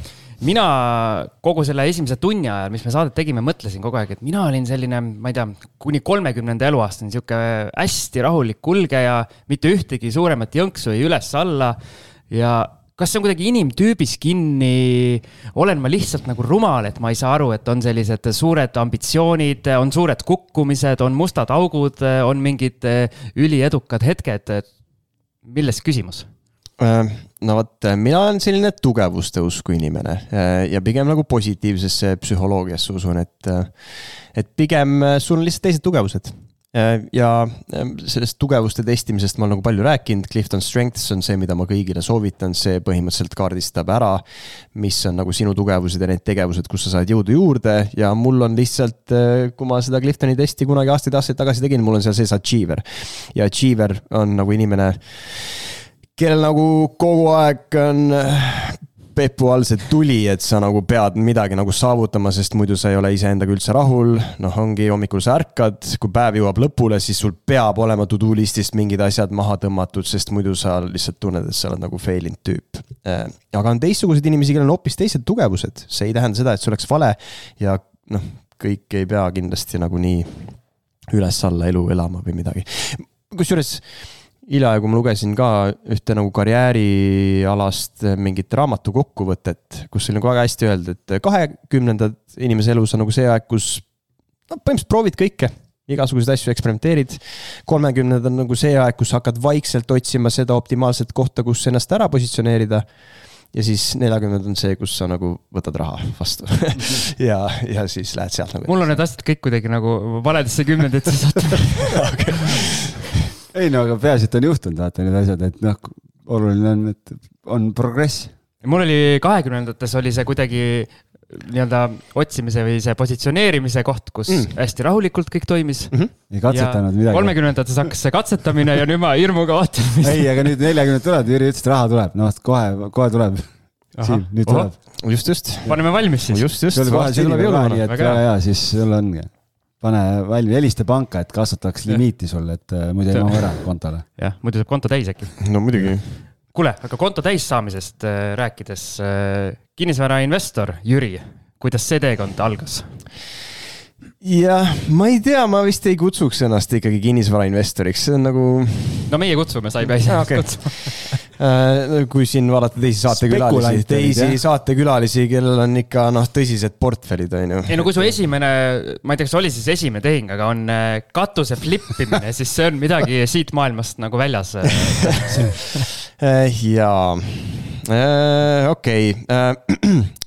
aasta oli siis mingisugune kaks tuhat viisteist, ma olin Endoveris ja tol ajal noh, kinnisvaras insider treidimine on lubatud erinevalt äh, nagu aktsiaturgudest, on ju. Äh, ja kui sa töötad arendaja tiimis, äh, sul nagu on see eelis, et arendaja ju oma töötajatele pakub, näed, siin on meil uus projekt, siin on korterid, siin on hinnakirjad, tahad midagi ära bronnida esimene ring on töötajatele, teine ring on sõpradele, kolmas ring on email listile ja nii edasi ja nii edasi, on ju. kinnisvaraarendaja tihtipeale peab mingisugune viisteist protsenti oma kogu projekti mahust nagu ära müüma. Et pangale tõestada, et näed, projekt on nagu hea, et nüüd me saame nagu laenu peale, et hakata seda valmis arendama, on ju, ja seal on arendajal väga suur motivatsioon, et sulle hinna, soodsama hinnaga nagu neid esimesi asju müüa.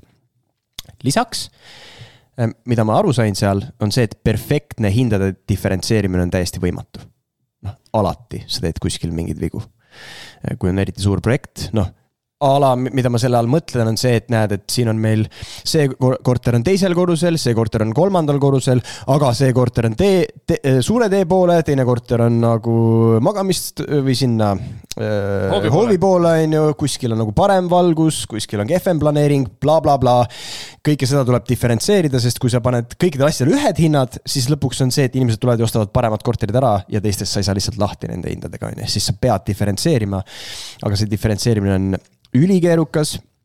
Äh, ja vot, tuli meil siis lauale projekt Tartu maantee viiskümmend kuus ehk siis City Residence. Ähm, ja ma mäletan, vaatasin City Residence'i mingisugused, me hakkasime seda hinnakirja koos tiimiga seal paika loksutama. Äh, vaatasin hinnakirja ja mis ma nägin esiteks oli nagu unikaalne projekt sellepärast, et noh, Endover on ikka teinud katuseterrasse, on ju. aga see oli nagu sihuke üks e-, esimesi, kui mitte kõige esimene projekt, kus sa said katuseterrassi osta nagu eraldi. et see juriidiliselt seoti keldriboksi külge. ja nende strateegia oli see, et müüme terrassi eraldi, sest siis, kui näiteks tuleb klient, kes ostab teisele korrusele korteri, ta saab ka omale juurde osta katuseterrassi, kui ta tahab, vaata kena vaade, noh, üheksas korrus, sa näed sealt merd. kui tavaliselt on, kas on rõduga korter või ei ole, siis küsid, et kas on katuseterrassiga korter või ei ole jah, jah, jah, just, et noh, tavaliselt on nagu see, et ülemine korter nagu ühendatud terrassiga, trepp läheb üles. hüüdlause, esimese korruse korter katuseterrassiga. jah, noh, see oli see idee seal, põhimõtteliselt oligi. ja siis vaatasin, et okei okay,, kahetoalised korterid, mis nad siin hinnaks tahtsid panna, mingi kakssada viiskümmend tuhat, nii on ju, ja siis vaatad terrassi hinda kakskümmend viis ruutu terrass, üheksa tonni hmm.. ja siis mul oli flashback nagu mitu aastat tagasi Remaxi aegadesse, kus meil toimusid need nii-öelda hindamiskomiteed või müügikomiteed, kus maaklerid tulevad kokku, vaatavad uusi objekte, mis on nagu silmapiiril ja koos mõtlevad välja, mis nende asjade hinnad võiksid olla. ma mäletan tol ajal Kairi Ummus, äh, kes oli meil seal ka juht ja õpetaja, äh, ütles, et noh, et terrass nagu varahinnast või no korteri hinnast, kui teil on katuseterass või mingi sihuke asi juures, no laias laastus neljandik, kolmandik äkki hinnast kuskil nii. siis ma vaatasin, et kakssada viiskümmend tuhat on korter, terrass üheksa tuhat, siin on mingi diferentseerimise mingi probleem on siin. ja siis ma läksin, äh, noh, seal oli mitmete projektidega nagu oma töötajad said nagu bronnida ära ja siis ma läksin Endo kabinetti, ütlesin, et kuule, et ma tahaks neid terrasse, noh. siis ta ütles, sa oled hulluks läinud või? ma ütlesin, no aga las ma siis võtan riski, noh ja äh, põhimõtteliselt oligi, need tuli juriidiliselt seod-, äh, siduda keldribokside külge äh, nagu omandamishind oli üheksa tuhat, aga noh, maja valmib seal alles kahe aasta pärast. praegu teed võlaõigusliku nagu sissemakse. selle kauplesin alla kahekümne prossu pealt kümne prossu peale. maksin seal sisse ühe terrassi eest mingi tuhat kakssada viiskümmend euri. noh, ikka tuleb ahnus, on ju, võtsin mingi neli-viis tükki neid ja siis äh, pärast äh, noh, optsioonid või nagu võllid on ju, siis pärast ma müüsin neid edasi, noh. ja seal nagu see oligi sihuke huvitav tehing, kus sa paned nagu viis tuhat eurot sisse ja mingi ühe aastaga võtad äh, viiskümmend tuhat pluss eurot kasumit välja. sest et me müüsime, mingid soomlased tulid, müüsime neid terrasse edasi, seal oligi no.. infot jagas siis ikkagi Endover selles mõttes, ütles, et on saada, kui tahate, et siis üks inimene müüb. Eh, just jah, müügiesindaja ei olnud mina, sellel projektil oli üks teine inimene. ma just tahtsingi jah jõuda, et kuidas nagu see info liigub, et need ostjad sinuni jõuavad, aga. Eh, no eks seal oli nagu see deal arendajaga ka on ju, et eh, me ei saa konkureerida omavahel ja, ja Endoveris oli ka see, et kui oma inimesed ostavad, tahavad hakata neid optsioone edasi müüma, siis nagu ei tahaks, et sa meie omadega konkureerid.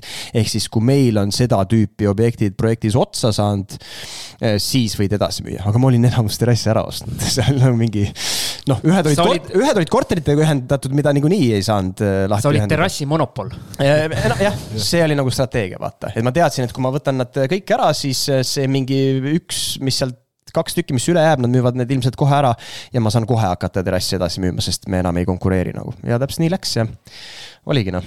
ja, ja seal oli veel see asi, et terrasside suurused olid, varieerusid, mõni oli kakskümmend mingi viis ruutu, mõni oli nelikümmend viis ruutu, aga kõigil oli pandud sama hind, üheksa tonni.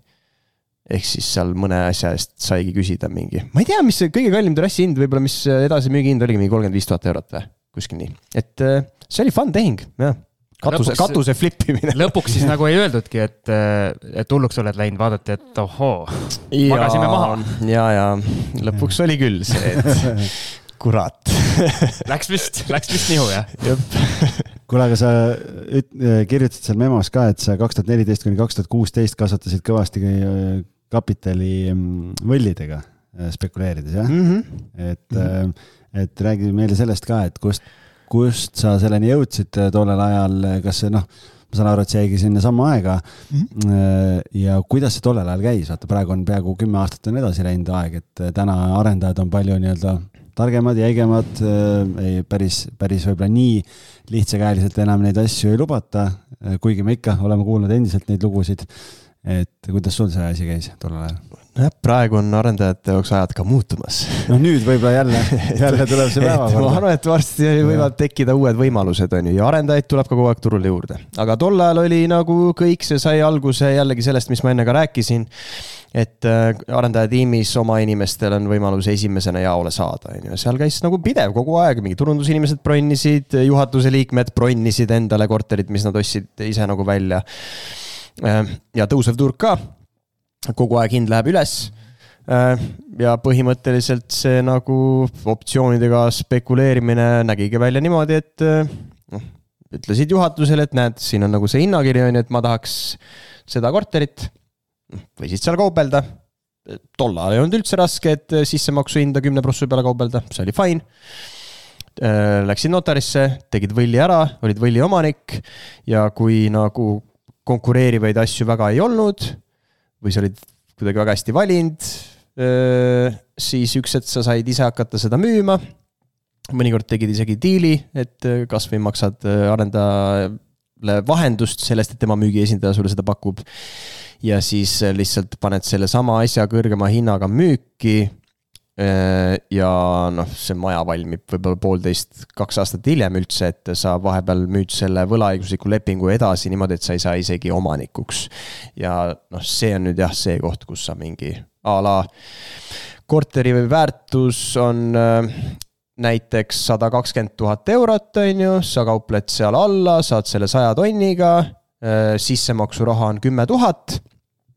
Äh, maksad kümme tuhat eurot sisse ja mõni aeg hiljem paned saja kahekümne tuhandega selle korteri välja, tuleb keegi, kes ostab ära ja maksab äh, sinule kui selle edasimüüjale siis vaheraha, äh, milleks võib olla kakskümmend tuhat eurot ja noh, niimoodi sa teedki mingi aastaga kümnest tuhandest eurost siis kolmkümmend tuhat käivet, kakskümmend tonni kasum. vot, Siim, sina oled kunagi spekulandiks tahtnud hakata või ei ole? olen tahtnud, aga ei ole mõistust piisavalt. sa jah, ja sa oled madala riskiga, riskitaluvusega ka, et ja mina ka ei ole, ei ole seda teed läinud. riski maandamine on oluline asi seal nagu, et äh, ega sa päris silmad kinni seda teha ei saa. aga kui dollari pappi pritsib peale kogu aeg, mingil hetkel ei, no, mõistus, nagu kaine mõistus kaob ära ju see on see hirm ja ahnus, noh ikka, ikka on kahju raha kaotada, vaata.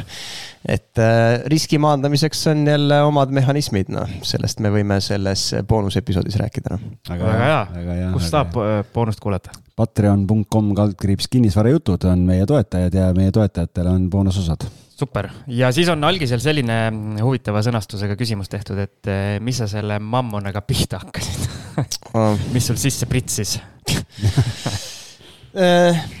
nojah, mingi osa raha, mul on nagu ja shout out to Jaak Roosaare eh, siinkohal. et Jaagu raamatud on palju inspireerinud ja sealt saanud väga häid taktikaid ja tol ajal ma olin ka nagu selle viiekümne protsendi klubi liige siis nii-öelda, et et äh, põhimõtteliselt igakuistest äh, tehingutest ja mis käibed sisse tulid, mul nagu endaga reegel, et äh, pool sellest läheb kuhugi teise panga kontole, millel mul ei ole isegi internetipanga kasutajat et.... pool läheb vasakule jah, pool läheb vasakule. ja siis seal tekkis nagu see raha, mida sai panna spekuleerimiseks, investeerimiseks sai ostetud lisaks katuse flip imisele, seal oli nagu mingeid muid tehinguid veel, ma mäletan Aurora mis see projekt oli, Aurora mingi seal. Aurora Nova. vist varem oli isegi veel ah. mingi muu Aurora seal on neid trükitud, neid maju vist mitu nüüdseks juba. aga seal oli ka, kus me tegime kahasse ühe kolleegiga, ostsime neljatoalise korteri kolmandal korrusel, sest see tundus lihtsalt seal majas olevat defitsiitne toode, noh jälle samamoodi optsiooni spekuleerimine, mis oli nagu hea tehing, mis tõi nagu juurde kortereid hakkasin ostma äh, siis, et välja üürida. noh, ikka oli eesmärk, et saaks maksimeerida seda kuradi äh, kapitali tootlikkust, on ju, et sissemaksu raha pealt tuleks nagu võimalikult palju aastas seda netorahavoogu tagasi. ja siis ma mäletan, ma ostsin äh, Kalamajas oli Kalju tänaval mingi vana Eesti-aegne maja, kuhu astusid sisse, on sihuke tunne, et kohe-kohe see kukub külili pikali nagu see nagu trepikoda oli reaalselt viltu vajunud juba. noh, ühistu oli veits hädas, aga sealt sai nagu väga hea hinnaga, mis ma ostsin, oligi mingi kahekümne tuhande euroga sai nagu kuueteistruuduse korteri. ja siis üürisin selle välja üürihind võis seal olla kakssada viiskümmend eurot või, ja siis oligi noh, vaatasid oma tootlust Excelis on ju, kurat, mingi kakskümmend, üle kahekümne protsendi, noh, kõva värk. kõva värk, ma olen kõva vend, noh. ja siis oli Kotka üks maja legendaarne Vikas. legendaarne. varem ka läbi käinud siis. Kotka üks majas äh, ma ostsin ka äh, mingisugune flipija oli nagu ära rekkinud ehk siis seest ära remontinud kaheteistruuduse korteri, mulle see sobis, mina ei viitsinud mingi remondiga tegeleda, ma tahtsin seda omakapitali tootlikkust. kahekümne, vist oli kakskümmend viis tuhat kuskil sealkandis ostsin äh, mõlemale korterile, kusjuures sain ka LHV-lt finantseerimise eraisikule nagu ja päris korraliku selle äh, laenu, noh protsendi. Äh, kogu sellest vara maksumusest, ühe korteri puhul viiskümmend prossu, teise puhul vist isegi seitsekümmend prossu, kuigi. ma ei tea, nad vist tol ajal väga nagu ei pakkunud nii väikseid laenu eraisikutele, et, et see, kuna me olime nagu head koostööpartnerid, siis nagu äh, oli võimalik. ja siis seal Kotka üks ja see maja, mine kanni, ma mäletan ma kut-, mingi külmkapimees tuli seljas, sikutas külmkappi, ma pidin ära sisustama selle, et saaks nagu üürniku sisse panna ja siis külmkapi vend seal ähm,. rehvite paljaks koristas vedas seljas seda külmkappi sealt trepist üles siis seal oli nagu eh, trepikodades on nagu korrustel on nagu need vaheuksed, et suvainimesed sisse saanud ja siis seal oli nagu mingi, jäi mulje, nagu see oleks nagu mingi narkomaanide järjekord tekkinud, kes kõik nagu hästi närviliselt lasid ühte uksekella ja olid järjekorras lootsid nagu sisse saada sealt. ja siis äh, nagu sealt läksin mööda, see oli ülikahtlane, siis äh, naaber, täpselt sel hetkel, kui külmkapi vend nagu hakkas korterisse sisse tulema, tuli naabrikorterist ka mingi pomšik tuli välja, suits sees ja nagu oksad laiali ja ei mahtunud sellest külmkapi vennast koridoris mööda ja nagu kurat läks napilt, et see külmkapi vend peksa ei saanud sealsamas.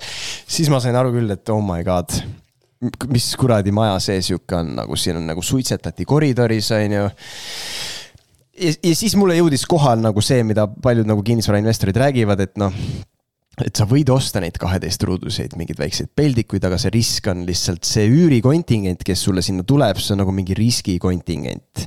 ja siis ma sain aru, et pljääd, meil on vaja mul on vaja mingit üksikut naisterahvast, kes tuleb kuskilt eh, teisest linnast eh, Tallinnasse mingi ülikooli õppima enam-vähem. ja saingi, tuligi Haapsalust mingi tüdruk, eh, kellest ema veel maksis üüri vahepeal. aga jah sellega juhtuski täpselt nii, et ega ta väga kaua seal vastu ei pidanud. ja siis ma sain selle õppetunni, et sihukese tootega on nagu see, et sa pead kogu aeg üürnikut vahetama ja sul on üürnik, on riskigrupp. kui on odav toode, selle me saime Endoveris Gastroomi residentsi näitel aru, mis juhtub, kui sa teed nii odava toote sihukeses äh, veidras piirkonnas või veidras majas inimestele, et sul hakkab seal liikuma ma tahtsingi su käest küsida seda, et küll mitte Stroomi residentside näitel, aga ühel hetkel oma elus. sa müüsid uusarendusi, miljoni diilid, asjad, mis sa rääkisid. mis sa oled kotka siis järgmisel hetkel sa oled kotka ühes ja tegeled üürivannidega, me nimetame üürivannideks onju. et äh, päris suur äh, erinevus nojah, eh seda küll jah, aga seal oli nagu, ei ikka oli nagu motivatsioon oli nagu tolle nagu kasvatada üürikorteritest siis seda portfellit, äh, mis nagu üks hetk ongi hakkaks nagu kasvama ja tulevad üürid ja siis saad seda reinvesteerida ja jälle on nagu kasvuahel, on ju. kuidas tänaseks selle portfelliga seisud on äh,? jaa. kas et, kotka üks rokib siiani? ei, ei, ei, ei, ei, ei, ei, ei, minu, äh, kui ma olin, äh, ühesõnaga mul oli ju see faas kus ma pettusin kogu kapitalistlikus maailmas. ma sain aru, et see vist kõik on hoax, et eh, mis me siin ajame taga mingit eh, rikkust ja värki, et ma lähen, ma võin olla kuradi mingi vaene hipi ka, teha kuskil nurgas muusikat ja ma tunnen elust niisama rõõmu. Ja siis kaks tuhat kuusteist aastal, kui ma Vegasesse kolisin ja seal elasin, siis oli nagu see, et eh, lihtsalt müüme kõik maha, müüme kõik maha, ma ei viitsi, noh, plaan oli niikuinii jääda USA-sse sel hetkel veel ei teadnud et siis ma müüsin nagu ära kõik asjad. kuule, aga kui see ajajoon on selline, siis see Kotka üks kogemus äh, sinna Las Vegasesse, see aitas sul ikkagi ellu jääda just, just. tänu sellele. just, just, sai nagu natukene seda kontingenti vaibida, noh. kuule, aga eelmisel aastal oli sul plaan Hiiumaale äh, investeerida ah,. aga vist ei läinud päris, päris nii, nagu sa plaanisid, et äh, äkki sa räägid meile sellest kogemusest ka, et just, et äh, Hiiumaa äh, kinnisvara mõttes on selline hästi defitsiitne turg äh,. seal nagu inimesi on ja noori ka ikka on, kes nagu otsivad kohti, kus elada, ehk siis üürikate vastu nõudlus on. häda on selles, et äh, kohalikud nagu ei usu üürimisse Neil pigem seisab mingi Käina korter kuskil tühjana, kui nad panevad üürniku sisse, sest see tundub nagu kahtlane, vaata, sul mingi vend elab seal ei no kindlalt, on ju, et eh, noh, et eh, hiidlased nagu, olenemata sellest, et eh, noh, siin vaata statistikat, mingi Eesti kõige madalam palgatase, ma ei tea, neil on sääste ja kuradi padjal vedeleb raha nagu küll, on ju, kinnisvara ka on. ja siis mingi aeg me saime kuskilt tuttava kaudu info, et kohe-kohe on üks korter müüki tulemas. üks sõbrants üürnikuna kolis sealt nagu välja. siis mõtlesime, et kurat, näed, et siin on praegu võimalus, saab nagu. mis see oli, et mingi viiekümne tuhande euro eest saaks osta korteri, võtaks laenu ka annaks üürile, noh, üüri nagu pakkumisi on seal nii vähe, et rahulikult mingi kakssada viiskümmend kuni kolmsada viiskümmend eurot kuhugi sinna vahemikku saaks nagu selle üürihinna panna ja paneks sisse ja näed, investeering on ju. aga äh, noh, pank tahab saada hindamisakti, on ju ja kui ma hakkasin hindajatega suhtlema, et davai, meil on omanikuga seal kokkuleppe hind, saime vist viiekümne kahe tuhande peale saime kokkuleppe hinna, et tee nüüd akt ka sellele hinnale siis ta nagu vaatas, vaatas, vaatas ja ütles, et äh, kurat, äh, akti naljalt üle neljakümne tuhande teha ei saa. ma küsisin, miks? siis ta ütles, et, äh, et selleks, et akti teha sellele summale, mul on vaja võrdlustehinguid. aga võrdlustehinguteks ma ei saa võtta tehinguid, mis ei ole avalikest kuulutustest läbi käinud, mida ei ole avalikult müüdud. see oli minu jaoks esimest korda kuulsin sihukest asja, ise olles pikalt kinnisvaras olnud. nüüd ma olen nagu igalt poolt küsinud vist ongi nii mm, -hmm. ongi nii, et ja. seal on nagu, seal tehakse väga palju tehinguid kuskil leti alt või suust suhu või sõbralt sõbrale või isalt pojale või sugulaste vahel või tuttavate vahel, no Hiiumaa on nii väike, noh, kõik teavad kõike. ma saan aru, et see loogika seal taga on see, et äh, neil ei ole võimalik kontrollida, milline see korter oli, et kui sul on avalikus müügis olnud kuulutus, siis see link äh, on olemas, et saab vaadata võrreldava tehinguna seda ka, milline see korter välja nägi.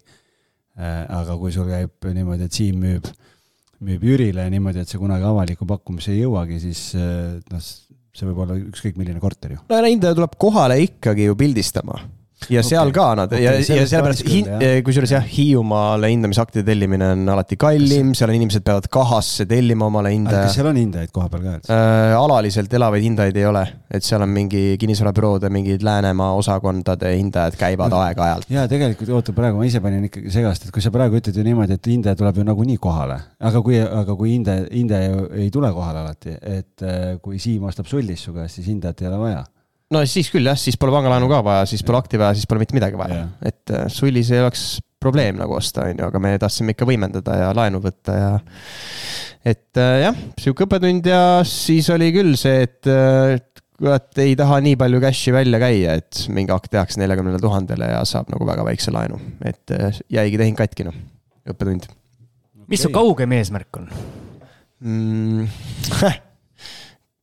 hea küsimus on, kui teaks isegi aga võtame siis vähe kitsamalt, et eh, on sul plaan ikkagi mingit eh, investeerimisportfelli üles hakata ehitama või, või ja, ei ole sellist plaani? ja, jah, et äh, täna portfell on rahas äh,. hetkel ühtegi kinnisvara ei ole äh,. ja me oleme siin viimasel ajal ka elukaaslasega arutanud, et äh,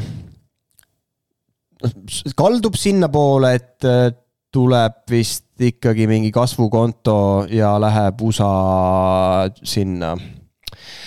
USA dividendimaksjad, mis, kuidas neid kutsutakse, need aristokraadid või USA dividendide aristokraatide kuhugi fondi eesmärgiga, noh, ma räägin, olles siin startup'ide turundusstrateegiaid nagu õppinud ja kasvuahela loogikast aru saanud, siis seal on nagu väga nagu lihtne tekitada seda kasvuahelat, kus sul nagu dividendid, mis sa saad, sa saad seda reinvesteerida, on ju. ja seal nagu täna, kui ma äh, autoga siiapoole sõitsin, siis ma natuke nagu mõtlesin ka selle peale, et äh, on nagu aktiivne investeerimine ja passiivne investeerimine, täna aktiivselt ma pigem investeerin iseenda ettevõtlusesse, ärisse oma teadmistesse ja selleks, et mingeid uusi tooteid luua, väärtust luua, uusi kliente võita.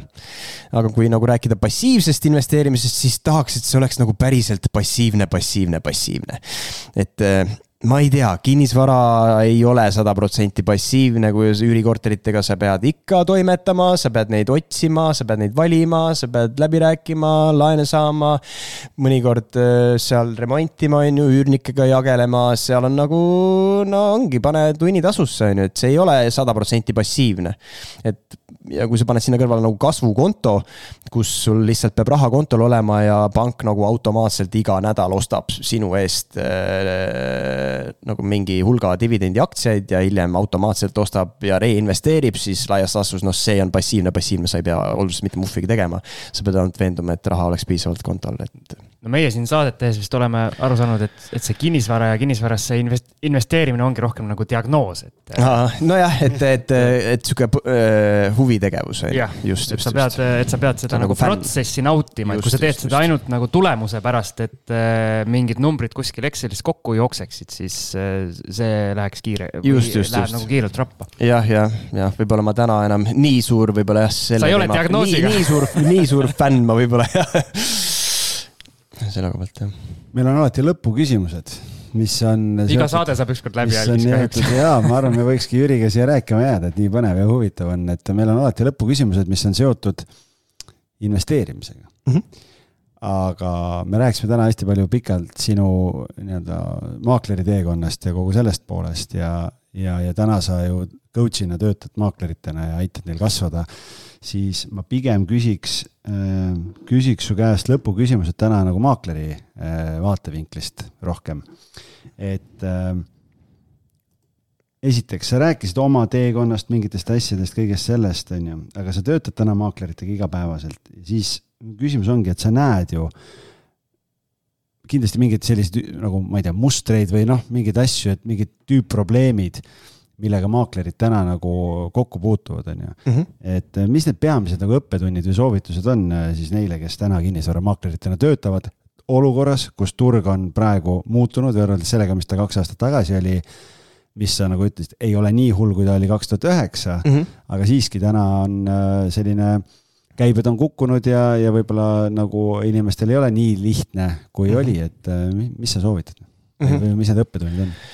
nojah, et äh, kui siin turg langeb, on ju, ja noh, peamine probleem muidugi, millega ma ise ka aitan maakleritel tegeleda, on nagu uute klientide leidmine, on ju. noh, siin on kõik need, see, kuidas nagu turundada ennast, aga äh, kui rääkida nagu langevast turust ja sa oled nagu selle probleemi ees, et okei okay,, mul portfellis nagu on objekte, aga kurat, nad kõik seisavad, ostjaid ei ole.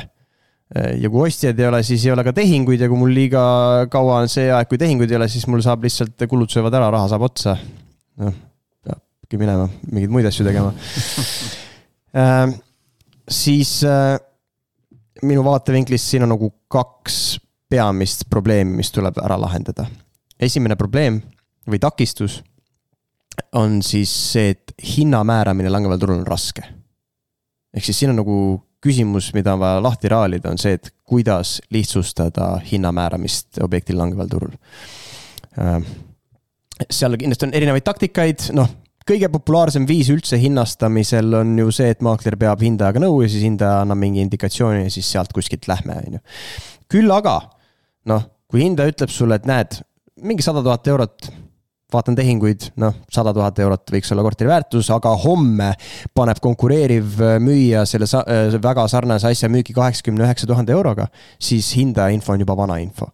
ehk siis langeval turul ma pigem noh, no hindaja ikka annab hea indikatsiooni, aga ma pigem kogu aeg igapäevaselt isegi hoiaks silmi seal, äh, mida teevad konkurendid portaalides me just müüsime oma Mersu bussi maha, mille me suvel ostsime tipuhinnaga, on ju. Euribor tõusis, vaatasin laenumakseid, vaatasin, et kurat, Mersu hakkab rikki minema ka, kurat, liiga palju raha hakkab minema selle peale, lähme ikkagi vana hea Toyota peale tagasi, on ju.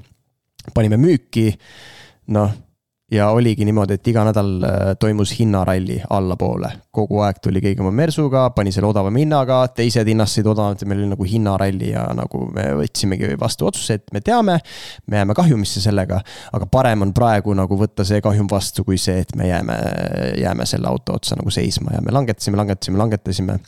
Äh, lõpuks tuli ostja ja, ja saime tehingu ära tehtud, on ju ähm, et eh, jah, maakler peaks silmi peal hoidma kindlasti sellel, mida teevad konkurendid. Eh, üks taktika, mida ma oleme nagu soovitanud maakleritele, mida ma katsetanud ja mille kohta olen saanud ka positiivset tagasisidet, on see, et eh, kui ostja sulle helistab kuulutuse peale, küsi milliste parameetritega ta nagu sisestas, kui ta su kuulutuse leidis, sest see annab sulle aimu, millega sa üldse konkureerid. ja see võib olla hoopis midagi muud, mida sa ise ette kujutad mm Äh, ehk siis, et lihtsustada hinnastamist, kindlasti aitab hinnastamist lihtsustada see, see, mida likviidsemal turul äh, sa töötad. kui sa tegeled üürikatega, Tallinna kesklinna üürikatega, sa saad turult juba nädal aega tagasiside, kui sul on hind vale, sest et üürikad, sa tead, need liiguvad kiiresti, vaata. noh, ja nii edasi, versus kui sul on maja kuskil pärab ees, ma ei tea, in the middle of nowhere next to nothing Äh, väga raske hinnastada, on ju, et kindlasti turu likviidsust jälgi ja siis teine takistus on, äh, kuidas saada omaniku nõusse madalama müügihinnaga, noh. Äh, et ja siin on kindlasti üks eeldus on see, et tööta ainult nende müüjatega, kellel on vajadus müüa. et kui ta ütleb sulle, et ta ja, ja väga hea küsimus, mida küsida, millega sa saad hästi kiiresti ära filtreerida.